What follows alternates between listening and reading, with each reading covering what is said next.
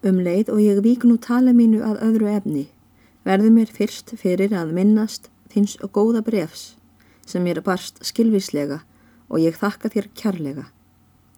Í því brefi segir þau mér að ferða þau þínum í sumar, að því langi til að finna ættingjana fyrir austan og þykir mér það eðlilegt og skal ekki letja þig þessa.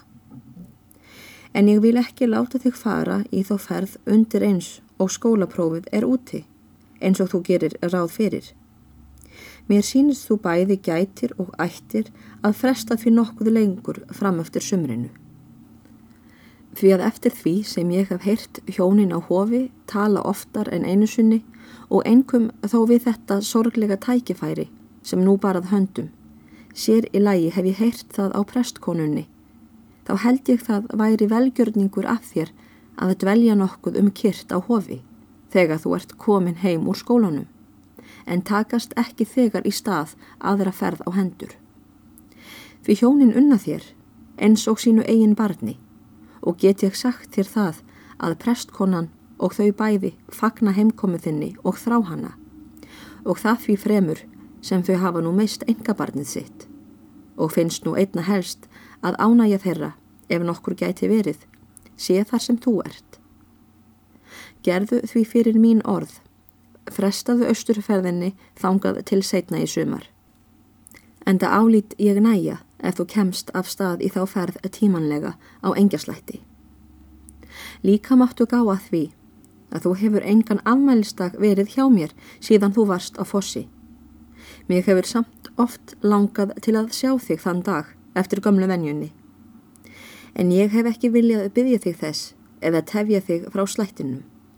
Nú ætla ég ekki að hlýfa þér lengur, því að þú verður líklega latur að slá í sumar hvort sem er og því ætla ég nú að byggja þig að koma upp að naðstabæ á afmælistægin þinn og standa þá við hjá mér dálítið. Þetta vona ég þú gerir. Hættir við austurferðina í bráð en látir hofsjónin og mig setja fyrir að hafa þig fyrir part sumarsins. Aðalsteini þótti þessi beðni svo eðlileg og sangjörn og engum að því er hofsjónin snerti, svo mikil svarðandi að hann hugðist eigi meg að hika við að fullnægja henni.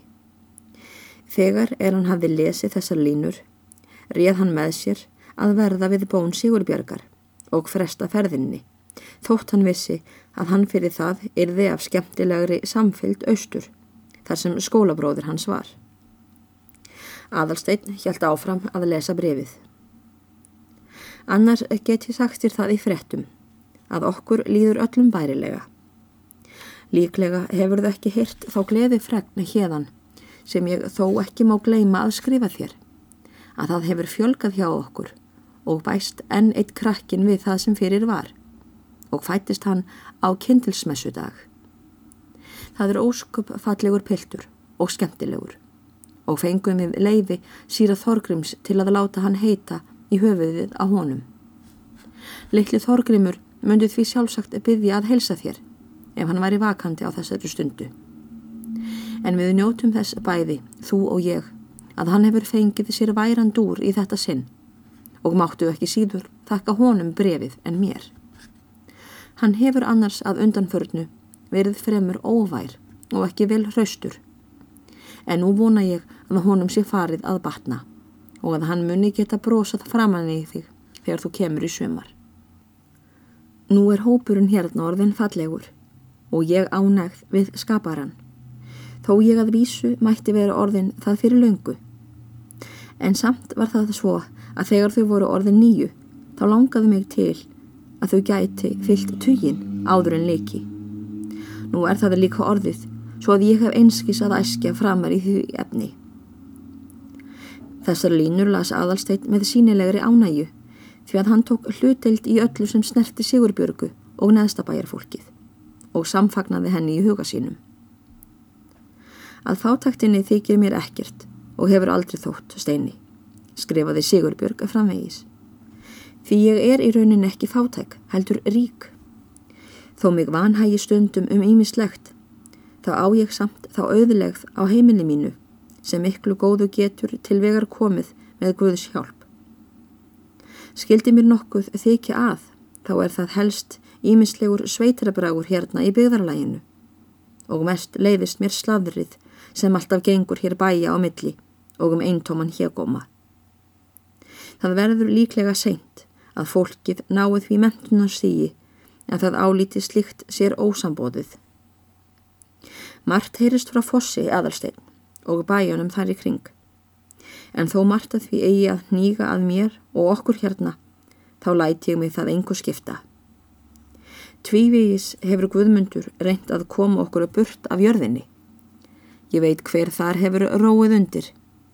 En það getur ekki gengið eftir byggingarbrefinu sem við höfum í höndum og vorum við heppin að taka það þegar í upphafi.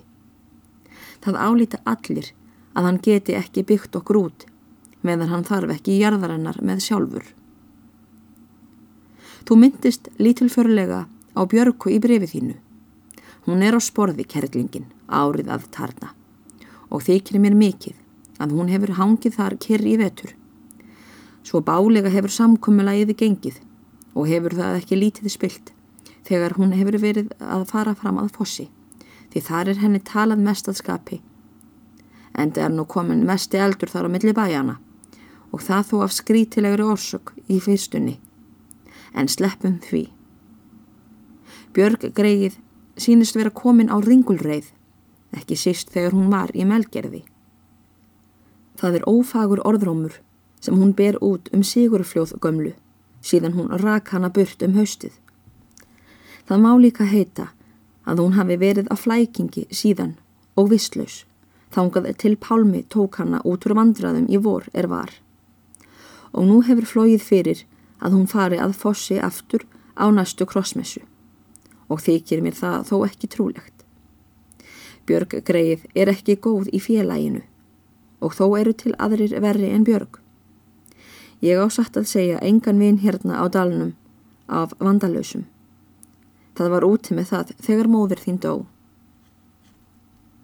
Mikið er ég nú búin að masa við þig steinu minn, en ég held það fari nú að verða eintóm orðalenging fyrir mér.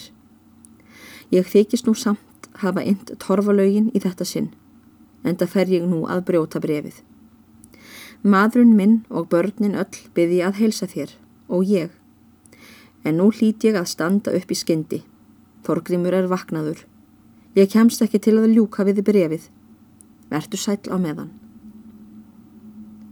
Nú tóku við í brefinu fáinnar línur með annari hendi, er ljóslega síndi að viðmenningur hafi tekið sér pennan í hönd eftir Sigurbjörgu. Þessi orð hljóðuðu svo. Ég byrja með því að segja þér, Steini, að mamma kemur bráðum til að ljúka við brefið, svo þú þarft ekki að vera óþólen móður. Svo langar mig til að sína þér að ég er farin að pára svo lítið. Það er ekki fallegt samt. Mér gengur verst með geið ef það á að vera stórt. Og svo byrð ég hjartanlega að helsa þér. Þín veinstúlka, Anna. Þessar línur las aðalstinn brosandi. Síðan tók aftur við hönd Sigurbjargar og hljóðuðu síðustu orðin í brefinu þannig. Ertu ekki alveg hissa á telpunesteini hvað hún hefur leift sér að gera? Ég leiði henni aðeins að setja hverju sína til þín neðan við brefið en hún hefur þá skrifað heilmikið af ruggli. Fyrirgefðu nú allt saman og er kunnugum best að bjóða. Blessaður, hugsaðu ekki til austurferðarinnar fyrir en setna í sumar. Og hvað ég þig svo með ást og einlagni, þín Sigurbjörg.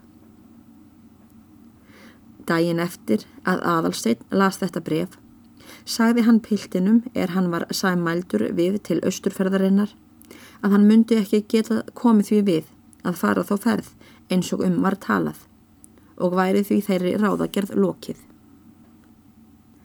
Í burtfararprófinu er haldið var rétt fyrir þingamarjumessu var aðalsteinn útskrifaður úr skálholtskóla með besta vittnisspurði. Lýsti skólamestarin yfir því að hann færi þaðan með lofi fyrir gáfur og siðferði, væri flestum sínum skólabræðrum fremri en stæði engum að baki. Væri það mjög fágætt, ef ekki dæmalust, á síðari tímum að nokkur jafn ungur lærisveit hefði náð slíkum þroska til sálar og líkama sem aðalsteinn og væri það sönn gleði fyrir skólan og kennendur hans að sjá svo góðan árangur vinnu sinnar. Með þessum vittnisspurði var aðalsteinn skrifaður út úr skólanum.